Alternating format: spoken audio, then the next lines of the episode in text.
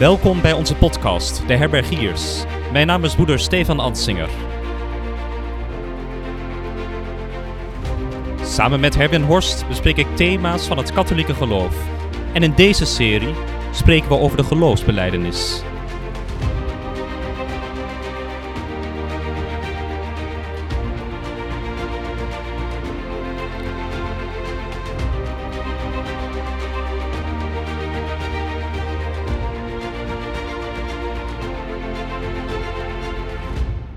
In deze aflevering staat het eerste artikel van het geloof centraal. Ik geloof in één God, de Almachtige Vader, schepper van hemel en aarde. Is alles toeval? Thomas denkt van niet.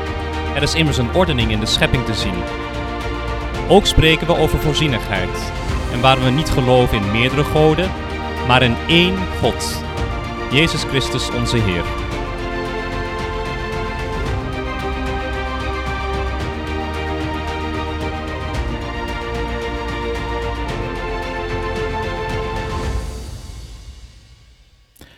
Ja, daar zijn we weer met een nieuwe aflevering van de Herbergiers podcast over de geloofsbeleidenis. Hallo Stefan. Goedenavond, want we nemen dit op op de vooravond van het grote feest van... Alle heiligen. Ja, zo is het. Hopelijk worden wij ook een keer heilig. Dat is wel de bedoeling. Ehm, maar we gaan in ieder geval vandaag verder waar we zijn gebleven met een splinternieuwe aflevering van Hm. onze podcast. Ehm, we hebben eh, in het kader van het credo, eh, de geloofsbeleidenis, eh, een tweetal afleveringen opgenomen nu. Ehm, waarbij we toch vooral een introductie tot het thema hebben gegeven. We hebben gekeken naar het geloof en in het kort hebben wij besproken een aantal vragen. Hè? Wat geloven we nou eigenlijk? Ehm, hoe kun je geloven? Ehm, waarom zouden we geloven? Ehm, maar met het eerste eh, geloofsartikel gaan we wat dieper in op het formele object van het geloof, namelijk God zelf. Ehm, ja, dit eerste geloofsartikel eh, is ook meteen het meest fundamentele, want ja, het hele credo gaat over God en de relatie tussen God en de mensen en de wereld met God. En alle andere geloofsartikelen die wij gaan behandelen, die, ja, die hangen ook allemaal samen of die komen ook allemaal af van het eh, eerste geloofsartikel. Ehm, nou ja, met deze eerste aflevering gaan we dus kijken eh, waarom we geloven in één God. Eh, daarnaast beschouwen wij de almachtigheid van God en wat dat betekent ehm, voor de schepping ehm, en voor ons dagelijks leven.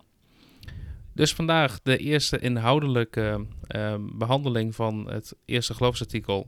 Ik geloof in één God, de Almachtige Vader, schepper van hemel en aarde. En daarbij moet ik zeggen dat wij vandaag vooral gaan focussen op dat eerste gedeelte, namelijk ik geloof in één God, de Almachtige Vader. Zo is het, want het is natuurlijk een enorm groot artikel. Dat zien we bij Thomas ook. Ik geloof dat hij in totaal iets van twaalf pagina's eraan wijdt, of niet? Ja. Ja, en, en het is, ehm, ja, laat ik zeggen, het is ook rijke informatie. Hè? Dus, eh, dus wat op een gemiddelde pagina staat, daar kun je heel lang over Ja. uitweiden. Ehm, ja, dus het- het, lijkt misschien veel hè, als wij eh, twee afleveringen maken over een geloofsartikel. Ehm, maar de informatie is ook dermate rijk dat het ook zonde is om alles in één aflevering te proppen. En daarmee eigenlijk ehm, ja, de boel een beetje af te raffelen. Daarmee doen we ook tekort aan ja, de, de rijkdom van de informatie en uiteindelijk natuurlijk de geloofswaarheid, want daar gaat het natuurlijk Mhm. allemaal om. Dus eh, we nemen de tijd en eh, dat we, vandaar dat wij ehm, het eerste artikel daarmee ook op, opknippen. Hmm. Ja. Ja, vandaag gaan we dus hebben over, eh, over God, hè, de schepper, God de Vader. Ehm, ja, hoe zie jij God eigenlijk voor je? Als we het hebben over God de Vader, Stefan, wat voor, wat voor beeld krijg je daarbij? Ik vind dat best wel een moeilijke vraag, omdat in je persoonlijk gebedsleven en zo, dan richt je je toch meestal tot Christus niet. En eh, God de Vader is dan toch snel de man met de baard die door Michelangelo in de Sixtijnse kapel zo mooi zijn vinger op de schepping legt. Dus de, de, de, de Ja. scheppende God. Hè, in de zin van iemand die, eh, die dus de, de- ik, ik associeer God de Vader. Hè? Kijk, ik weet natuurlijk, in de theologie moet ik toch even erbij zeggen om het even anders ga, krijg ik allemaal mails van eh, andere theologen of mensen die zeggen, wat zeg je nou weer voor gekke dingen? In de theologie is het natuurlijk zo dat, dat de schepping is natuurlijk een, een werk van de hele drie eenheid. Hè? Niet alleen van, eh, van de Vader, ook niet alleen van de Zoon, maar Vader, Zoon en Heilige Geest. Daarom staat er ook, hebben de kerkvaders in Genesis gezien, hebben wij met onze Vader ook gezien, wij gaan, de, gaan maken, hè? wij gaan de mens maken. Hè? Dus een, een meervoud. Ehm, maar dat terzijde. Maar dus als ik denk aan, aan God de Vader, dan denk ik toch eh, snel ook aan, aan almacht. Hè? Dus de, eh, een, een, een bepaalde ja, toch grootsheid van God. Eh, toch ook meer de afstandelijkheid van God, in, in zekere zin. Maar tegelijkertijd moet ik ook gelijk denken aan de Bijbelse verhalen over de barmhartige vader. Hè? Die, zijn, eh, die de verloren zoon weer in zijn, in, eh, in zijn huis opneemt, laat ik het zo zeggen. Ja. Dus eh, die twee kanten van het vaderschap. Aan de ene kant een afstand, hè? dus een, een, een duidelijke, en misschien ook wel soms een strengheid, een rechtvaardigheid, een oordeel zou je bijna kunnen zeggen. Want het hoort ook bij het geloof een oordeel. En aan de andere kant die, die nabijheid in de zin van barmhartigheid. Zo zou ik het. Dus een goede vader kent ook die, die verschillende eigenschappen. En dat brengt ons natuurlijk ook op eh, wat wij noemen in de theologie de analogieleer. Dat betekent we nemen iets uit het dagelijks leven en we, we gebruiken dat om iets van God te zeggen. Dus in dit geval het begrip vader gebruiken we om iets te, te vertellen over, over, over wie God is. Namelijk de vader, wij komen voort uit onze vader. Nou ja, wij komen ook voort uit God bijvoorbeeld. Nou ja, dat is een analogie die je dan kan trekken. Hm. Eh, hetzelfde geldt, eh, Ja. voor, eh, soms staat er in de Bijbel bijvoorbeeld dat gij zijt een rots. Maar God is natuurlijk niet zelf een rots. Gelukkig niet. Maar dat is beeldspraak en, en, en, en een analogie om iets over God zelf te zeggen. Ja, nou, dat is natuurlijk ook wel interessant. Hè? Eigenlijk ehm, ehm, de aspecten die je zelf noemt eh, nu, Stefan, dat, dat herken ik zelf ook wel. Ehm, kijk, Christus, dat is ehm, de persoon, Mhm. hè? De, de, de, de mens geworden God. En dat, ja, daar kun je toch iets meer letterlijk en figuurlijk een, een beeld bij krijgen. Mhm. Hè? Ehm, hoewel er natuurlijk eh, in de Bijbel ook eh, veel gelijkenissen met de vader worden besproken. hè. Dus, dus wat dat betreft kun je hem ook zeker leren kennen. Eh, maar toch het, het beeld van een beetje de afstandelijk eh, al besturende God. Hè? De, de, de man met de baard, zeg maar. De, de oude Hmm. wijze man die, eh, die zijn vinger legt op, eh, op de schepping. Ja, dat herken ik ook wel. Ehm, dus wat dat betreft ook meteen een heel interessant thema om te belichten. Ehm, omdat natuurlijk God centraal staat in het credo. Ehm, en dit ook meteen de meest essentieel geloofsartikel is van, van de rest van het... hè, van de rest van de credo. Dus interessant. Ehm, ja, als we dan ehm, eh, de tekst erop naslaan eh, van Thomas, ehm, dan is eigenlijk de eerste vraag die, die wordt gesteld of wordt betoogd waarom wij in één God geloven. Mhm. Wa- wat is eigenlijk de argumentatie van Thomas erin dat wij in één God geloven? Waarom eh, zegt Thomas, ehm, er kan eigenlijk maar één God zijn die nou ja, de schepper is van, ehm, van het Hmm. heelal? Ja, Thomas die leeft natuurlijk in een wereld. Daar hebben we het ook in deze voorbereiding van de podcast even over gehad samen. Dat het altijd belangrijk is als je een auteur leest om ook de context, waarin die, de historische context ook, et cetera, waarin die schrijft eh, in ogenschouw te nemen. Ehm, en het is een ontwikkeling van de moderne tijd. Dus na Thomas zou ik zeggen. Want Thomas is natuurlijk een middeleeuwse denker. Het is een ontwikkeling van de moderne tijd dat we eh, God als het ware uit ons leven kunnen bannen. En doen alsof hij niet bestaat. Dus heel veel mensen noemen zich vandaag de dag atheïst. Ehm, dat was zelfs voor een verlichtingsdenker uit de 17e eeuw onmogelijk. Ehm, natuurlijk, eh, een verlichtingsdenker kon misschien denken: God heeft niks met deze wereld van doen. Maar hij had toch altijd nog wel een idee van een bepaalde schepper. Eh, bijvoorbeeld een horloge. eh, de, vergelijk wordt vaak gemaakt met een horlogemaker. Iemand die een eerste zetje geeft of een biljartspel. Hè? Dus iemand die een eerste zetje geeft aan de, aan de, aan de bal en dan gaat alles draaien. Maar vervolgens eh, gaat hij zich niet meer bezighouden met dat hele spel. Dus God als een afstandelijk Hm. iemand die, eh, die eigenlijk alleen maar nodig is om een eerste duwtje te geven aan de schepping. En vervolgens heeft hij nergens meer wat mee van doen. Ehm, dat idee, maar dan bestaat er nog steeds wel een godsbesef. Hè? Dus onze moderne tijd is anders in die zin dat heel veel mensen zeggen dat ze helemaal niet meer in een God geloven. Hè? Ehm, Ja. En dat is bij Thomas dus onmogelijk. Dus in Thomas zoekt eigenlijk een rechtvaardiging voor iets wat in zijn hele tijdsgeest geloofd werd. Iedereen geloofde in die tijd. Kijk, natuurlijk, er was ook moreel verval en er waren mensen die zondigen en we, de menselijke natuur was hetzelfde, et cetera, et cetera. Maar er was wel een godsbesef ook, altijd. En dat is, dat is natuurlijk eh, het groot verschil. Dus hij, daar gaat hij van uit en dan zegt hij, ja, maar hoe kan ik dat, hoe kan ik dat rechtvaardigen, dat godsbesef? Nou ja, wat, wat ik zelf wel interessant vind. Hè, ehm, kijk, op momenten dat je je bezighoudt met, eh, met het thema als deze, dan eh, wordt ook wel meteen een stukje bewustwording gecreëerd. Maar eh, dat in de opvatting van Thomas, hè, God betekent eigenlijk hij die alle dingen bestuurt en in alles voorziet. ja.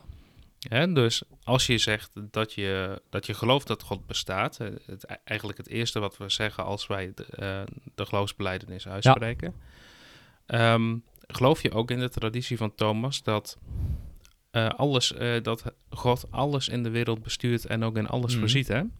Ehm, dus het is een bepaalde voorzienigheid. Dat gaat verder dan alleen de schepping. Hè? Ehm, eh, we kennen natuurlijk allemaal het verhaal van Genesis, hoe, ehm, hoe God de aarde heeft geschapen.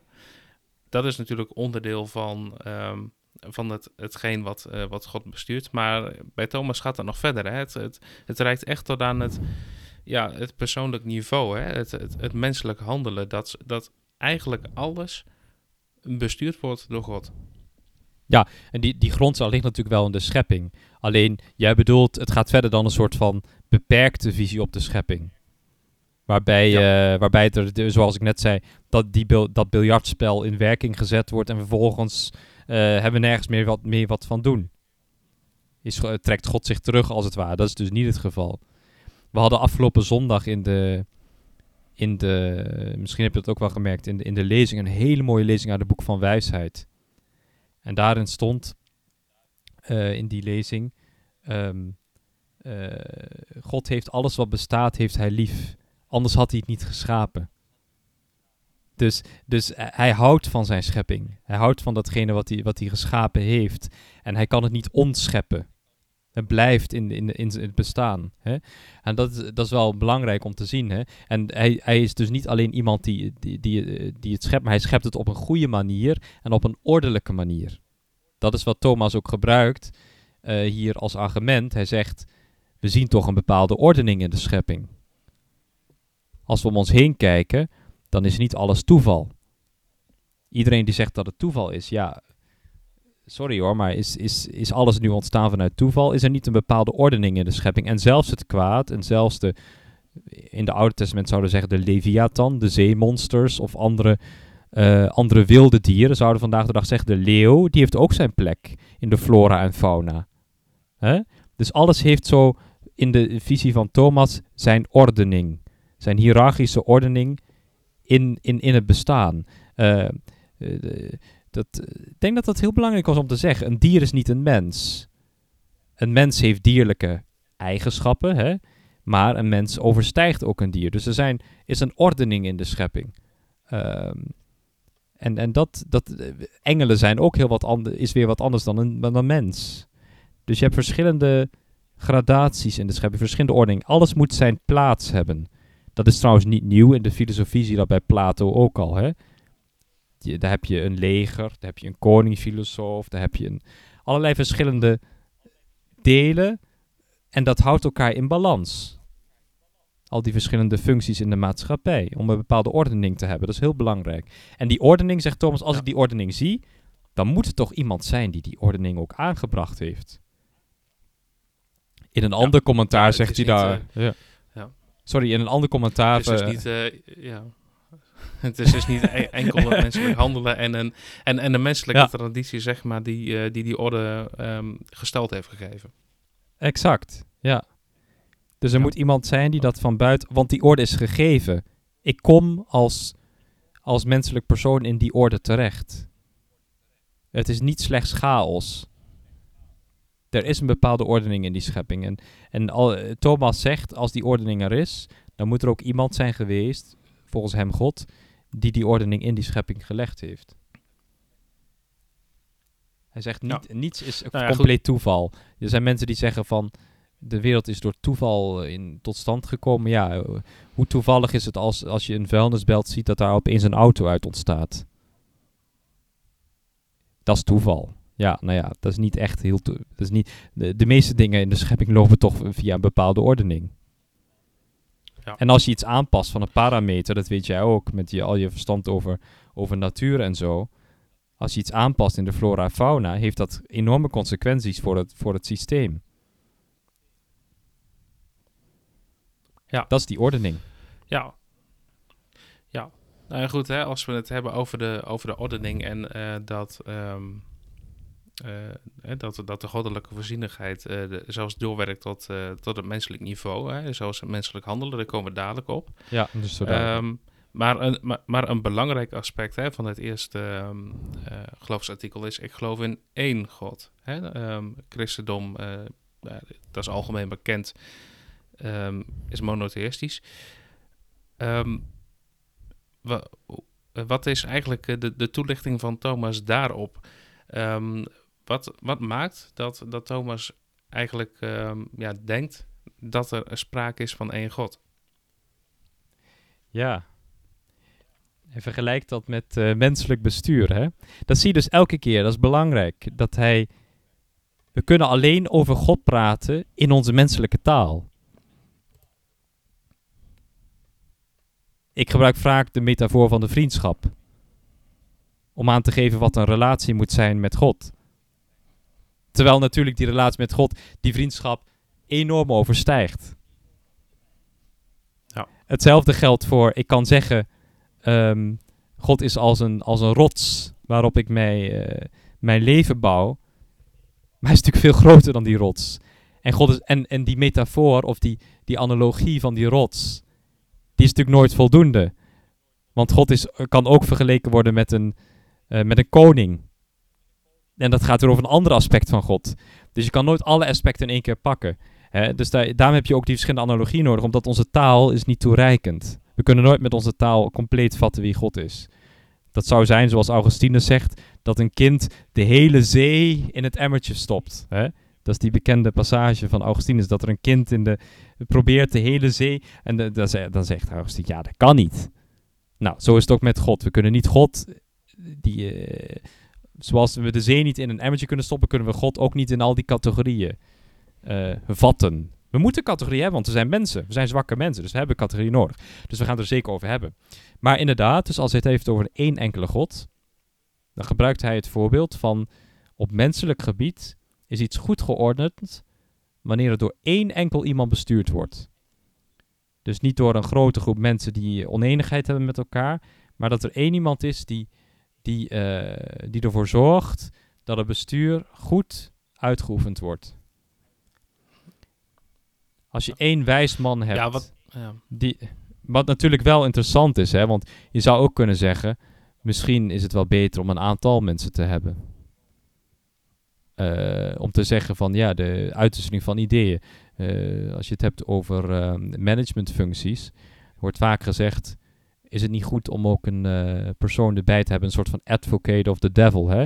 die dus eh, een andere rol speelt en advies geeft wat daar tegenin gaat. Maar Thomas zegt heel duidelijk om eenheid van denken te hebben en eenheid in, in een organisatie moet er één iemand zijn die uiteindelijk de, de beslissing neemt. Ik denk niet dat het volledig vals is. Ja. Ik denk dat, het, dat er wel wat in zit. In een familie ook moet iemand uiteindelijk een keer een beslissing nemen. Je kan wel altijd blijven praten, maar op een gegeven moment moet er toch ook een knoop doorgehakt worden. En Ja. hij zegt van dat die eenheid, Ja, dat is een teken voor hem van, die, van het monotheïsme ook. Hè? Dus dat bestuur op menselijk niveau. Ja.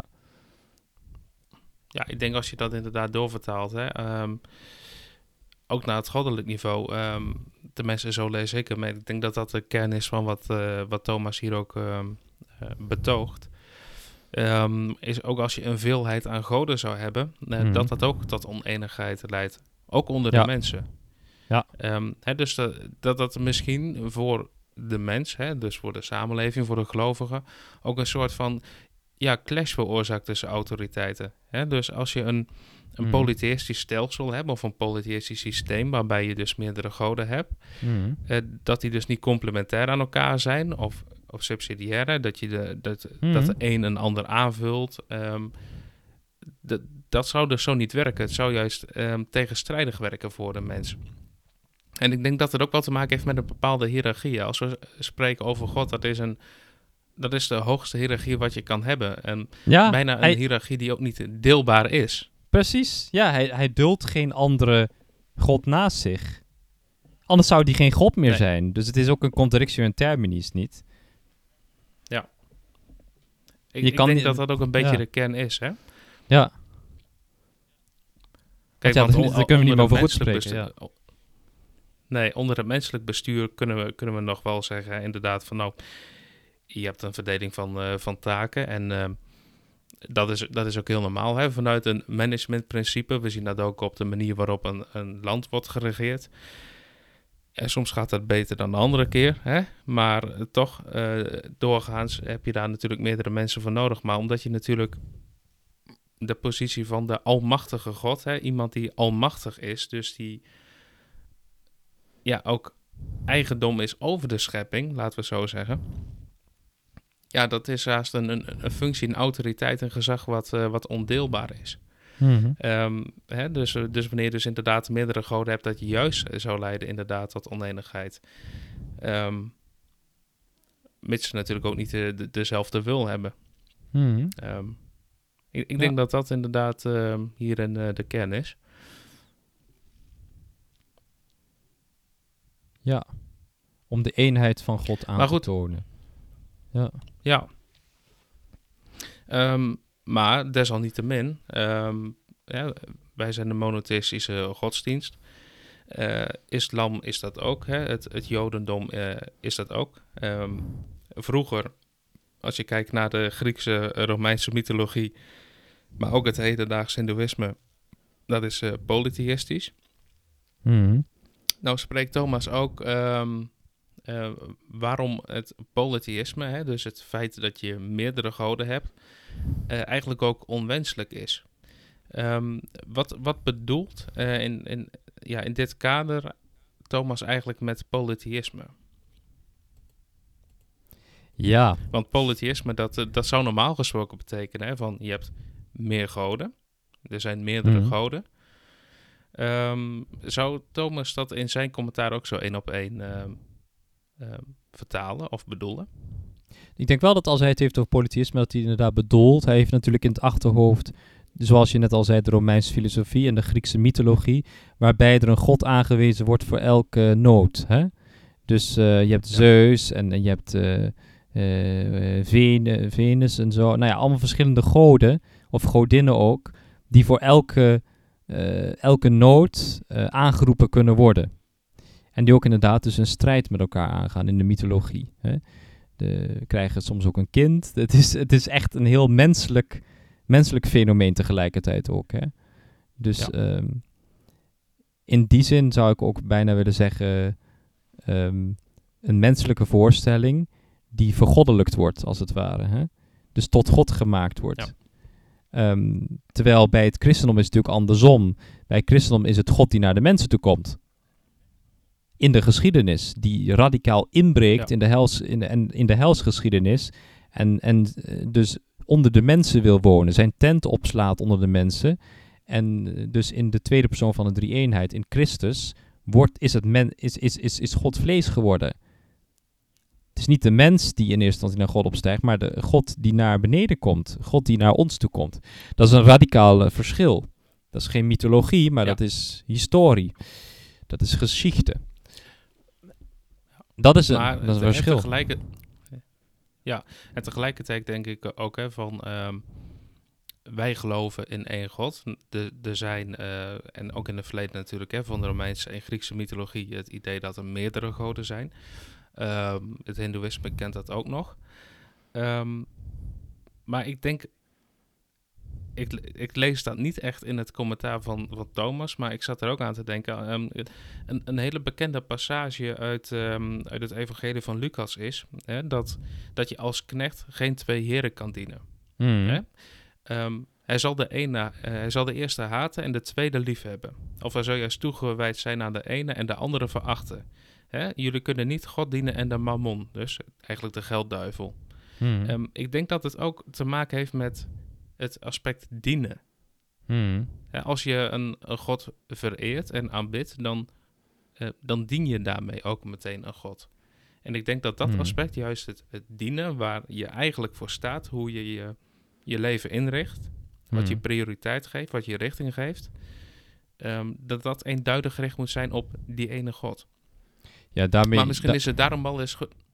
Ja? daarmee raak je een heel belangrijk punt, namelijk dat ehm, wanneer je dus de ware God uit het oog verliest, je een God, zoals je net duidelijk zei, een God eh, voor jezelf creëert. En dat kan zijn eh, je buik, hè? dat kan zijn op het gebied van voedsel, het gebied van seks, op het gebied van eh, aanzien. Alle grote hoofdzonden hebben natuurlijk daarmee te maken. Eh, dat, je, Ja. dat je een ander, dat je God uit het oog verliest. En een schijnbaar goed, een schijnbare God, want het is natuurlijk niet echt een God. Maar je maakt een, een, Nee. een, een, een, een, een schepsel of een, of een, of een, ja, of, of een, lust maak je tot je God. En dat, dat duidt ook op het En dus- feit, denk ik, dat een mens ongeneeslijk religieus is. Dus als de mens zijn vertrouwen niet stelt op, op de Heer, dan zoekt hij een andere Heer. Dan zoekt hij een andere eh, manier om zijn religiositeit te uiten. En dat kan zijn Ja. ook door, ja, door allerlei andere zaken tot God te maken. Ja, ik denk hè, juist dat aspect, hè, het tot God maken, het, ehm, wa- wat of wie dien je nou eigenlijk? Ehm, hoewel Thomas dat in zijn commentaar eh, denk ik niet zo zegt, denk ik dat dat juist wel wordt bedoeld met het eh, polytheïsme ehm, en, wat wij hedendaags natuurlijk ook eh, kennen.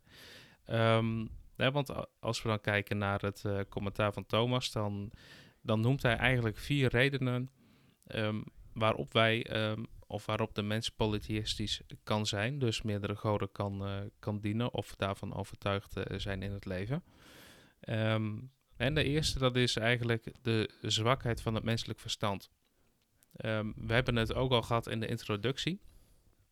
Ehm, als een soort van kenmerk van het geloof dat we ehm, vertrouwen moeten hebben in een God en dat wij niet alles met ons eigen zintuigelijke eh, waarnemingen en, en kennis kunnen waarnemen. Hetzelfde geldt is eigenlijk ook, een, ook een motivatie waarom er eh, sprake is van een polytheïsme. Hè, want sommigen denken dat er niks is buiten het eh, zintuigelijk waarneembare. Ehm, en, en een voorbeeld wat eh, Thomas daarin noemt, en dat is vooral in zijn tijd, is dat mensen geloven in de hemellichamen. Hè? Dat zij een soort van voorspelbare functie hebben. Hè? Dat bijvoorbeeld de hemellichamelijke als, eh ja... Maar dat heeft hij van Aristoteles. Dus dat komt van de oude filosofie, waarin dus alles vastgelegd werd in de hemellichamen. Dat waren een soort van goden. Dus dat komt, dat komt inderdaad uit de, uit de oude filosofie komt dat voort. Hè? Dus dat is, eh, is niet nieuw.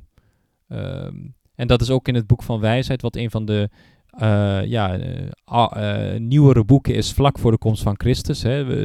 Zeer beïnvloed door de Hellenistische Griekse filosofie, waarin staat in hoofdstuk 13, wat Thomas citeert. Zij meenden dat de zon en de maan of de kring der sterren goden waren, die de wereld bestuurden. Wat er dus voor zorgt dat God een materieel ding wordt. Want dat is niks anders dan materie natuurlijk, die sterren, die zon en die maan. Nee. Ja. En dan, en dan, je zijn meerdere sterren en meerdere, dus dan krijg je automatisch polytheïsme. Ja. Ja. Ja. Inderdaad, ja. En dus dat is eigenlijk het, eh, het, ehm, het eerste aspect. Hè, Mhm. dat de zwakheid van het menselijk verstand en dat men daardoor is, ehm, ja, is afgevallen, Mhm. zeg maar, ehm, van, het, van het geloven in één God. Ehm, maar naast dit aspect noemt eh, Thomas er nog een paar. Ehm, hè, en het, eh, het volgende aspect wat hij noemt, dat is eigenlijk de verering van mensen. Hè, dat, eh, hij noemt bijvoorbeeld hè, koningen en andere mensen worden nu of na hun dood tot, tot goden verheven. Dus dat betekent eigenlijk dat je mensen eigenlijk de eer toekent, wat eigenlijk alleen God toekomt. We zien dat vandaag de dag natuurlijk ook. Hè? ehm, heel veel popsterren of, of voetballers of, eh, of celebrities die haast eh, op een dusdanig op een standbeeld worden gezet en dusdanig worden vereerd. eh, dat wij meer mensen centraal stellen dan, dan God zelf.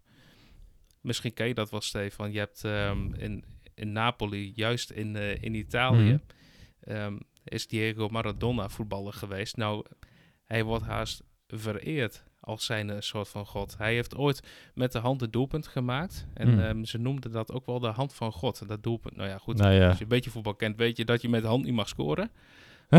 Zo verheerlijkt wordt dan een persoon, weet je wel? Mhm. Dus dat is, eh, dat is wel bijzonder. Ik denk dat dat ook wel een voorbeeld is. ehm, dat we ja, mensen op een dusdanige manier kunnen vereren. Ja, dat het haast ongezond wordt. hè. En waarom is dat maken denk je? Een soort van God. Waarom is dat polytheïsme? Nou ja, er zijn meerdere mensen wa- waarmee je dat Precies. doen. Dus eh En dat is het interessante. mensen eren. Want God We, brengt, we God brengt eenheid. God is absoluut waar, absoluut schoon, absoluut goed. Er is geen, duldt geen andere godheid naast zich. Maar vanaf het moment dat je van God weggaat, krijg je automatisch een veelheid van opties. Ja. Want hij is Ja, de enige en die echt, echt God is.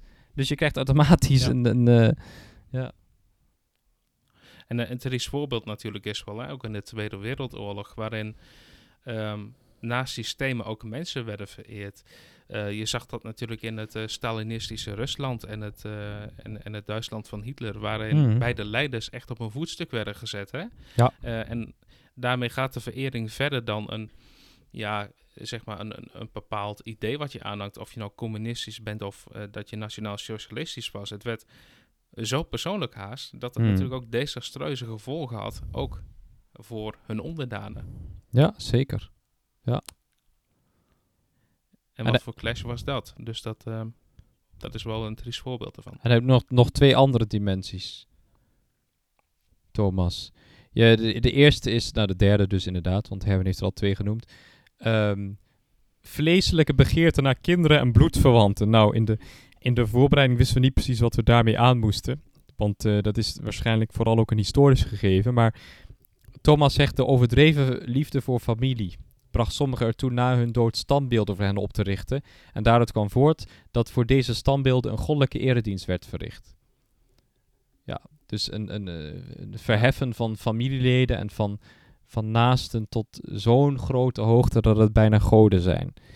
Ehm, Ja, ik, ik denk hè, dat het, dat het ehm, in bepaalde regeerstijlen je het nog wel, wel ziet in, ehm, eh, in de wereld, hoewel dat ook minder wordt.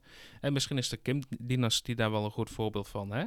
Eh, zoals in Noord-Korea, waar echt de hele familie, eh, de hele opvolging eh, van die familie, dat die haast als goden worden vereerd. Zij niet onder geweldige druk natuurlijk en onderdrukking van de mensen. hmm. Eh, maar misschien is dat wel een voorbeeld hè, in, het, in het hedendaagse waar je dat nog wel ziet. Mhm. Ja. Ja, dus dat, ik weet niet precies wat we daar met die passage precies aan moeten.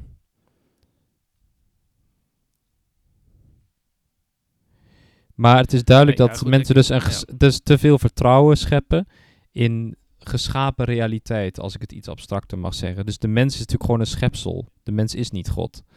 Ehm, en het ligt natuurlijk in onze, in onze eh, aard om misschien soms daarin door te slaan. Ik denk vooral dat het op het gebied van de liefde zo is. Hè? Dus ehm, verliefdheid is goed en trouw is ook goed, maar de ander is geen God. de, de ander blijft ook een mens, een geschapen realiteit. Ehm, dus als je het hebt over familie, nou ja, familie is ook, eh, is ook je gezin en je, en, je, en je vrouw, je kinderen en zo. En, en dat is toch, is toch wat anders dan God. Ook al staan ze heel dicht bij je. Je kan de fout maken dat je misschien eh, eh, de ander als, als God beschouwt. In plaats van als iemand die je zeer lief hebt. en waarin je God ziet. Dat is wel een verschil. Ja, absoluut. Hè. En dat, dat laatste dat doen we natuurlijk met, eh, met heiligen. Ehm, de katholieke kerk, we aanbidden natuurlijk enkel en alleen God. Ja. Maar we hebben eerbied voor de heiligen. En dat Ja. hebben we juist ook.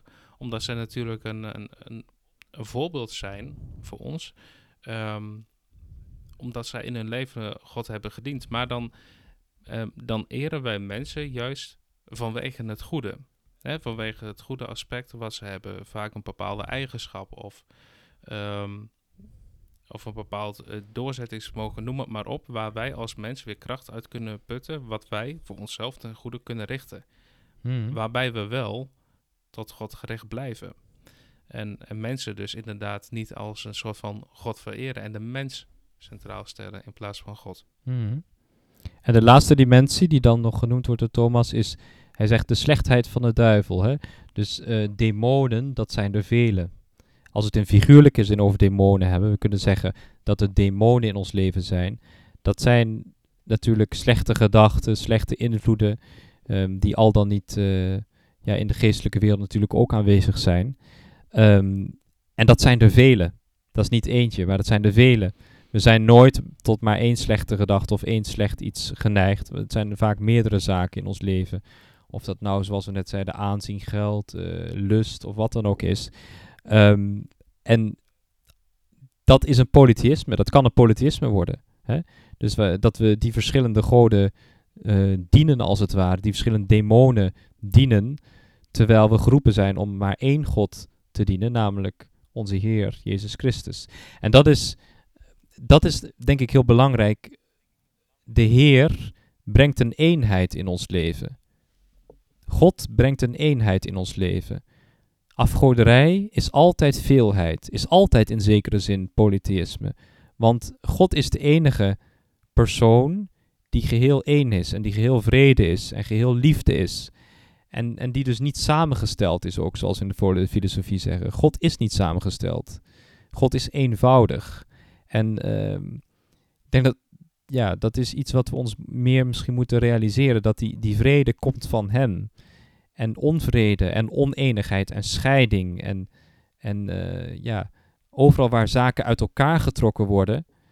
Dat is eerder een teken van een andere geest dan van Gods geest. Laat ik het zo formuleren. God brengt eenheid Ja, in ons leven. Integratie van ons leven.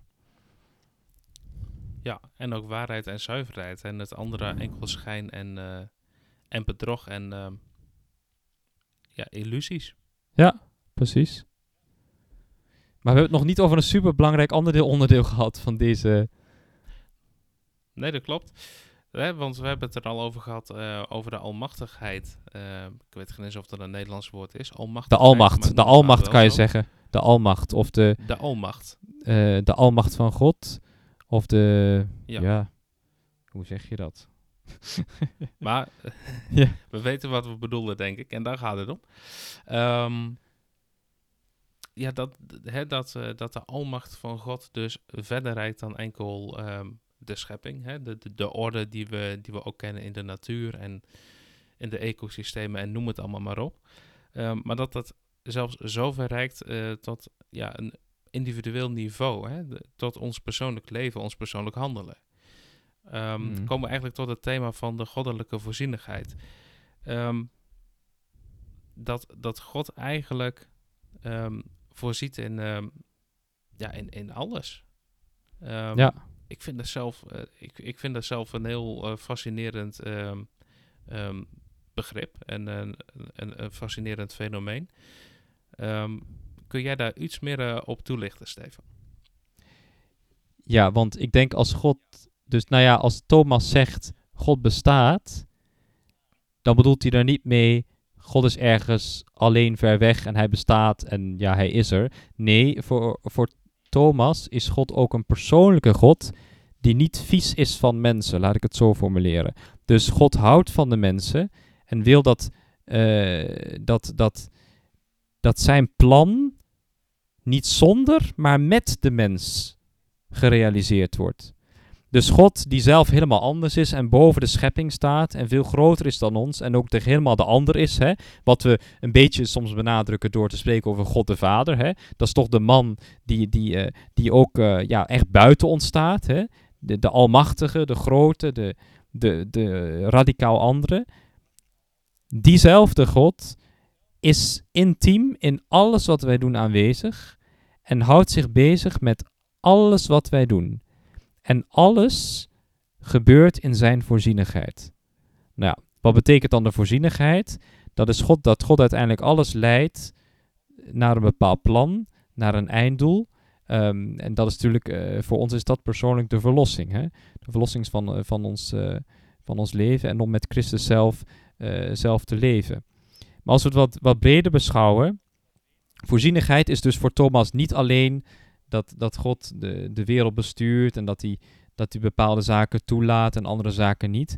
Maar gaat voor Thomas echt door tot de meest kleine menselijke zaken die we doen. Tot het geven van een schouderklopje aan onze kinderen. Zelfs dat is door God ook gewild. kijk, en, en dat is natuurlijk de vraag um, hoe, dat, hoe dat functioneert. En dan zegt Thomas, er is een verschil tussen aan de ene kant de superieure orde waarin God alles voorzien heeft, hè?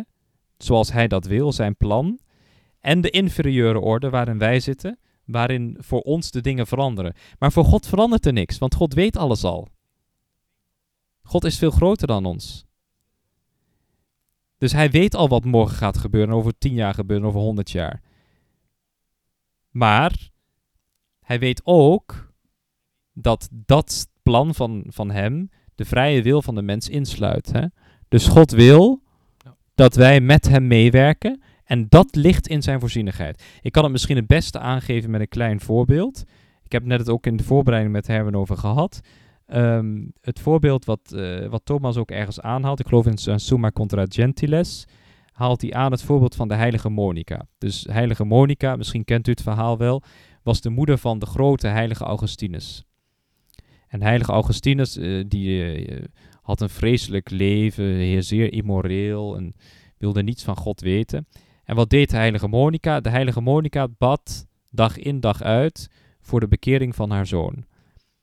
Dat haar zoon terug zou keren naar, uh, naar de ware religie. Want ja, Augustinus die had allemaal gekke religieuze ideeën. Die was ook aangesloten bij de Manichaeïsten en et cetera. Maar dat gaat te ver om dat helemaal uit te diepen. Maar wat belangrijk is hier, is dus dat Monica bidt voor haar zoon. Zoals er heel veel moeders zijn die bidden voor hun kinderen. Um, en God verhoort dit gebed. En zorgt ervoor dat Augustinus zich bekeert tot het christendom. Wat gebeurt daar? Daar gebeurt dat God van de eeuwigheid gewild heeft dat het gebed van, August, van, van Monica effectief zou zijn voor de bekering van Augustinus. Dus die akte van Monica, het feit dat zij elke avond opnieuw op haar knieën gaat voor haar zoon, zorgt ervoor dat er een verandering plaatsvindt in onze wereld. Maar voor God is dat geen verandering.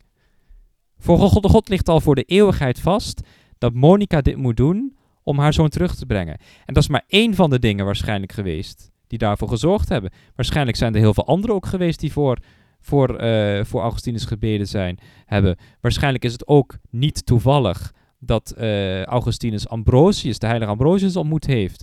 En dat hij die schriftpassage leest. Dus dat, die oorzaak- en gevolgketting op onze wereld,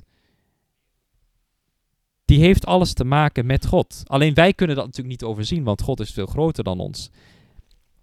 Ja, nou ja, wat, ik, wat ik wel interessant vind aan, aan deze is um, de invloed uh, wat je als mens hebt uh, vanuit je vrije wil. Je zou heb je zeker. kunnen zeggen op het. Ja, je zou dus misschien kunnen zeggen op het abstractieniveau van, van God, zeg ik dan maar, dat er een bepaalde mate van predestinatie is. Hè? In principe ja. is, is alles voor God bekend, niks is voor God onbekend. Um, maar voor onze mensen wel. Um, maar predestinatie op dit niveau is dus heel anders als op uh, individueel of zeg maar menselijk niveau. Um, ja. hè, want alles is erop gericht dat wij met God meewerken. Dus dat wij actief een, een houding aannemen om mee te werken met, eh, met Gods helpplan. En dat is een groot verschil. Dat is iets anders dan dat je zegt van ongeacht wat ik doe, ik Mhm. heb nergens invloed op. Wat ik doe, doet er niet toe. Maar het feit, ehm, het mijn feit, handelen draagt niet bij. het feit dat jij in je waardigheid als mens zelf beslissingen maakt met je vrije wil, dat ligt inbesloten in de voorzienigheid van God. Dus God weet al vanaf de eeuwigheid dat jij een keuze gaat maken. Dat maakt jou niet minder vrij. Het is alleen dat van ons, ons perspectief. De, de, de Eh, kennis, is laten we zeggen, de kennis van God is niet dwingend voor ons handelen. Nee. Wij kunnen zelf kiezen. maar God weet al of wij voor of Ja. tegen hem gaan kiezen. Ja, maar dat is wel een groot verschil inderdaad. Hè? Want Ja. ehm, als, als je echt eh, van, eh, uitgaat van die predestinatie leren, hè? Van, de, van de voorbestemming, van ja, alles is toch al beslist, de kaarten zijn toch al geschud. Ik heb geen invloed, ik heb geen... Want als je, als je dat zegt, dan Ja. ontken je eigenlijk ook het feit hè, dat je een vrije wil hebt. Precies. Dat, maakt, Ja. dat, zou, dat zou God ook tot een, ja, een, een dictator of gijzelnemer van mensen maken, terwijl het absoluut dus niet het geval is. Precies. En wat, wat, om even terug te gaan naar wat Thomas hier dus bedoelt. Als hij zegt van er is één God, dan wil hij dus met die voorzienigheid aantonen dat God bestaat en dat God met alles wat van doen heeft.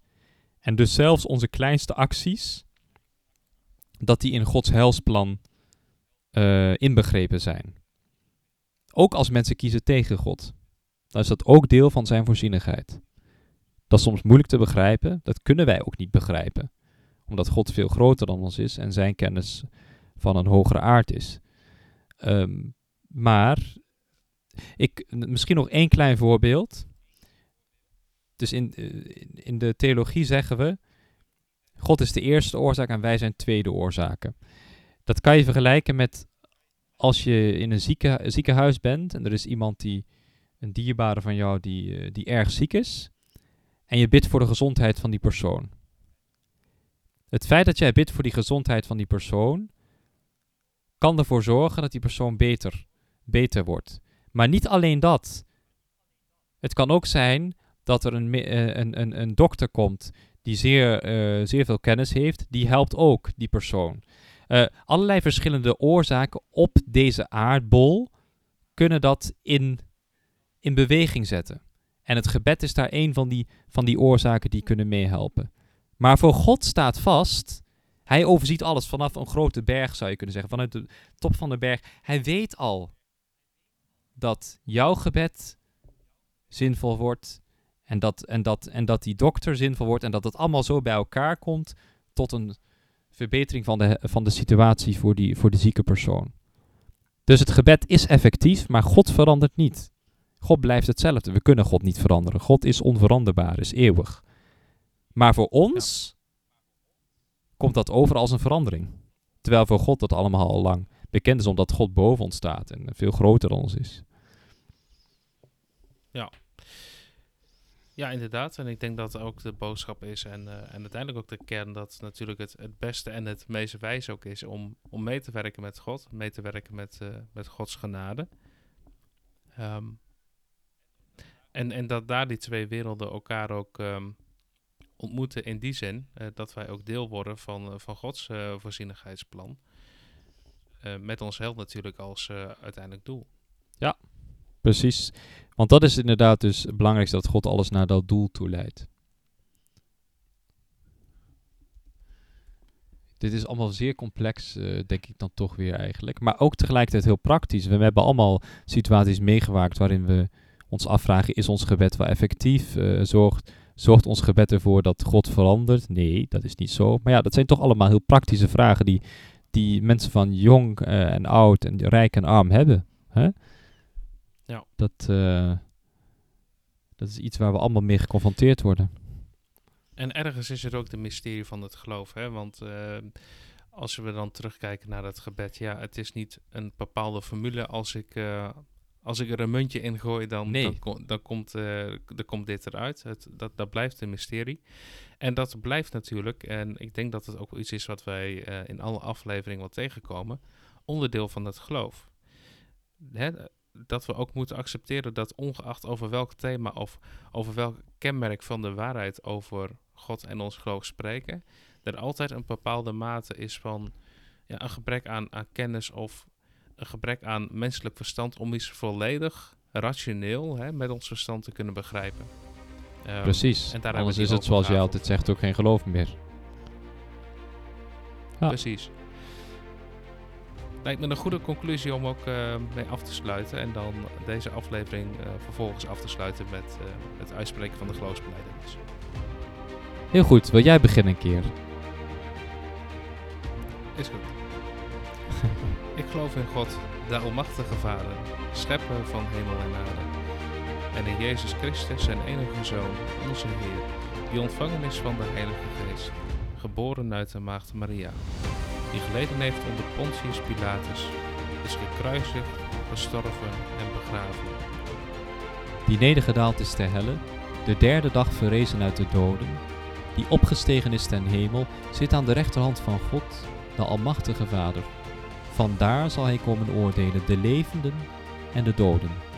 Ik geloof in de Heilige Geest, de Heilige Katholieke Kerk, de gemeenschap van de heiligen, de vergeving van de zonde, de verrijzenis van het lichaam en het eeuwig leven.